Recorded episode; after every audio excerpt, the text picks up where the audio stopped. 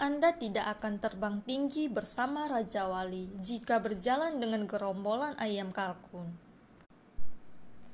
Atta adalah seorang arsitek dari Mesir yang sangat cerdas.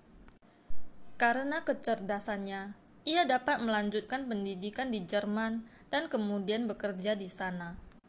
Namun, dalam pengembangannya, ia bergabung ke dalam suatu kelompok kepercayaan garis keras.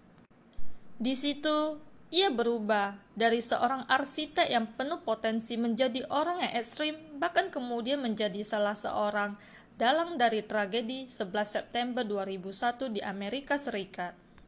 Sahabat, sebuah kata bijak mengatakan, tunjukkanlah temanmu, maka aku bisa menunjukkan masa depanmu.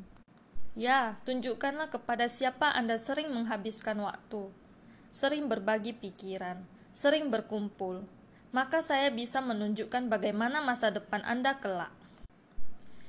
Jika selama ini tanpa disadari kita suka berkumpul atau dikelilingi penggosip, pemarah, pemalas, jangan heran bila di kemudian hari kita akan serupa dengan orang-orang itu.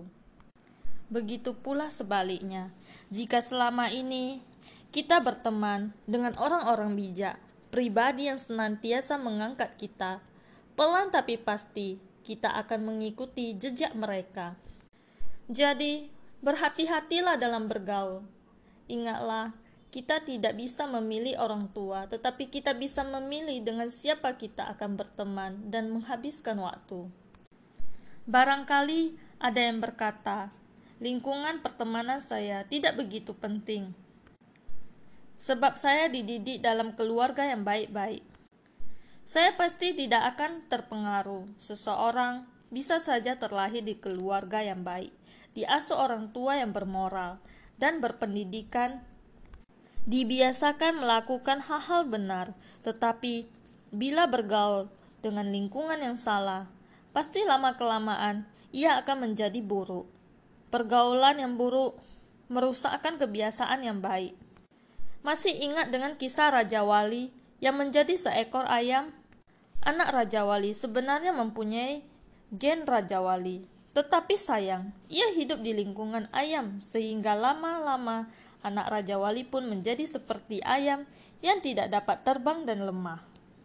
Padahal kita tahu bahwa burung Raja Wali itu diciptakan dengan kekuatan yang besar bahkan dapat terbang dengan kecepatan dan ketinggian melebihi burung-burung lain.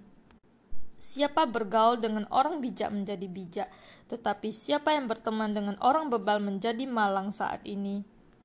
Dengan melihat orang-orang seperti apa yang berada di sekeliling kita, kita sendiri pun akan mengetahui siapakah diri kita sebenarnya, seorang pecundang atau pemenang.